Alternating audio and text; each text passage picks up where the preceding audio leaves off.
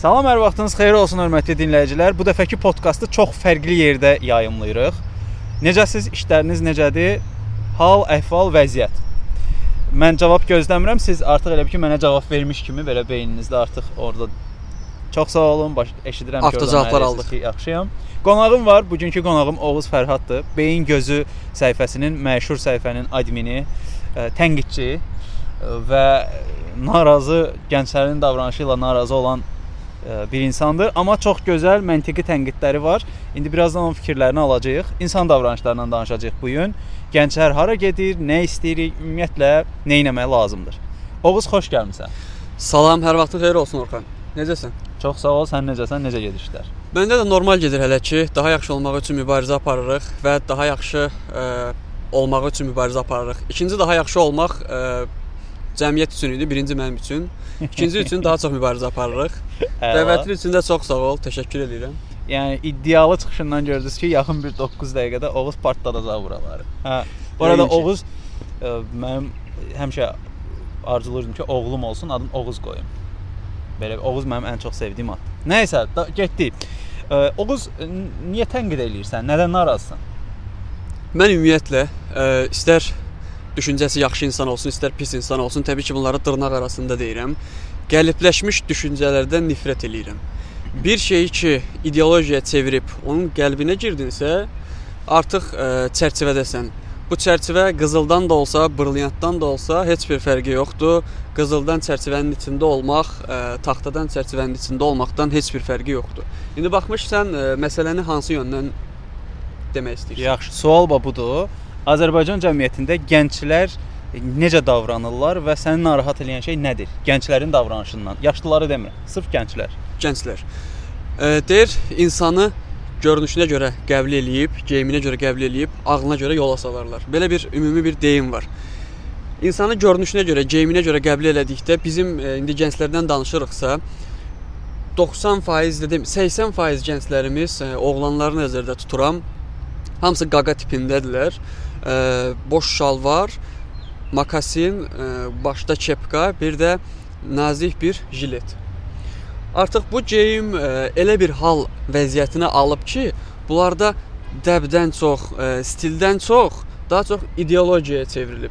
Yəni sən e, yaxşı bunlar hamısı yaxşı oğlan üzərində qurulur ümumiyyətlə. Yəni sən yaxşı oğlansansa, bu e, yolda irəliləyirsənsə, mütləq makasin geyinməlisən, boş şalvar geyinməlisən, e, saçın uzun olmamalıdır. Sonra bir dənə də jilet geyinməlisən. Əldə təsbeh e, belə desək dində deyirlər müstəhəbbidir. Yəni istəsən olar, istəsən olmaz, bu sənin fırlatmağından asılıdır. Yəni bu artıq bir ideologiyaya çevrilib. Yəni bunu qırmaq, bu tabuları qırmaq e, çox çətin məsələdir. Təşəkkür edirəm. Bununla bağlı bir əlavə fikrimi bildirim. Bu əslində cəmiyyətdə olan xüsusi tip stereotipdir. E, stereotiplər dedikdə burada məntiqi olmadan insanın öz emosiyalarına uyğun hər hansı bir davranış formaları yaratması və onun heç bir məntiqi əsası olmaması, amma hər yaratdığı o davranış formasını məntiqlə əsaslandırmasına xidmət eləyir. Məsəl üçün ə, həmin adama desən ki, sən niyə beləsən? Onun üçün bir ideoloji nələrsə olacaq və o necə ki biz bu yolun yolçusuyuq, yaxşı mənada biz filan işləri görürük, filan bizim ə, rəhbərlərimiz var və s. və s. İdeologiya demişkən bunların kökündə dayanan əsas ideoloji məsələlərdir ki, insanın sosial psixoloji həyatını ideologiyalar müəyyənləşdirir. Bizim də ideologiyalarımız var. Məsələn, bizim bu tiplə insanlara olan baxışlarımız da bir ideoloji baxışdır. Onların da bizə qarşı, cəmiyyətə qarşı olan baxışları eyni ideoloji bir məsələdir. Yəni ideologiyasız yaşamaq mümkün deyil. Amma məsələ nədir? Sağlam ideologiyadır yoxsa yox məsələsidir. Yəni sistematiklik. E, tutaq ki, e, insanların şəxsi həyatına müdaxilə, günahlandırma, qeybət, ə, e, insanların həyatını alt-üst eləmə o qədər ön plandadır ki, burada e, insanlar özlərinə vaxt tapa bilmirlər ki, özləri haqqında düşünə bilsinlər. Və bu, bu Burada çox qəribə bir məsələ var. Bundan əlavə mənə bir dəfə sual vermişdilər ki, insanlar niyə mühakimə eləməyə meyllidirlər? Deyirəm ki, çünki günahlandırmaq məsuliyyət götürməkdən daha asandır. Eynən. Ona görə insanlar qeybət eləyirlər. Günahlandırmaq çox asan bir şeydir və əslində kökündə dayanan əsas detal günahlandırmadır. Bir-birimizi günahlandırırıq. Valideyni, dostumuzu, sevgilimizi, həyatı, nə isə. Niyə bu belədir? Bu necə, yəni düzəltməli yox, Elə bil belədir də, çıxılmaz bir vəziyyətdəsən, günahlandırırsan ki, düzə düzəltməyin üçün günahlandırmırsan. Özünü rahatlaşdırıb bəhanə tapmaq üçün Özünü günahlandırırsan. təmin etmək üçün günahlandır. Hə, belədir. Məsələ budur. Bax indi podkast yayımlayırıq, videolar çəkirəm. Mən öz sahəmdə nəsə işlər görürəm, sən də öz sahəndə nəsə işlər görürsən. Bunların hamısı əməlli başlı təsirdir də. Lap bu şeylər kimi danışdım. He? O ə, məclisdə xanandırıb deyirlər. Biz gəncləri belə maarifləndiririk və s. və s. belə elə özümü şey kimi ağsaqqallar kimi hiss elədim. Əslində elə bir demə niyyətim yoxdur. Sadəcə hər kəs öz ideoloji və zəka səviyyəsinə uyğun nələrisə paylaşır. Ona görə ə, misal üçün niyə sən çox istəyirəm? Tənqid elirsən, amma alternativin də var. Bax həmişə mənim dediyim bir dənə sözdür ki, ə, alternativ təqdim eləmə. O gənclərin o vəziyyətə düşməsinin səbəbi odur ki, alternativi yoxdur. O başqa nəyi dinləyəcək bilmir. Onun üçün hə qaqa gəldim, belə elədim, bunu elədim, onu öldürdüm, bunu qarnını deşdim və s. kimi ifadələr önəmlidir. Alternativ olandan sonra nəticə effektiv olur. Məsələn, alternativ verirsən və danışırsan, amma səhifəndə paylaşırsan axı, bir alternativin var. Mən danışıram, amma alternativ verməyə çalışıram və bunların hamısı yavaş-yavaş bir cəmiyyətə əməli başlı təsir göstərəcək və bir müddətdən sonra ə, nəticə fərqli ola bilər deyə düşünürəm. İndi burada belə bir şey var. Məsələn, alternativ dedin, o ağlıma düşdü. Məsələyə biraz fərqli bucaq altında baxaq. Bir gəncin yetişib boya başa çatmamış çatmasında ə, ətrafından çox ailənin də rolu burada mühümdür. Fərz elə ki, bir ailədə 2 dənə oğlan var. Ə, bu uşaqlar ikizlər. Belə fərzlə ikizlər və ya bir-birinə yaşca yaxın qardaşdırlar. Bunun birinə sən uşaq vaxtından ə, meyxana dinlətsən, nə bilim, o düşük meyxanalar deyək buna. Düşük meyxanalar dinlətsən, digərini də götürsən tamam bir fərqli mühitdə.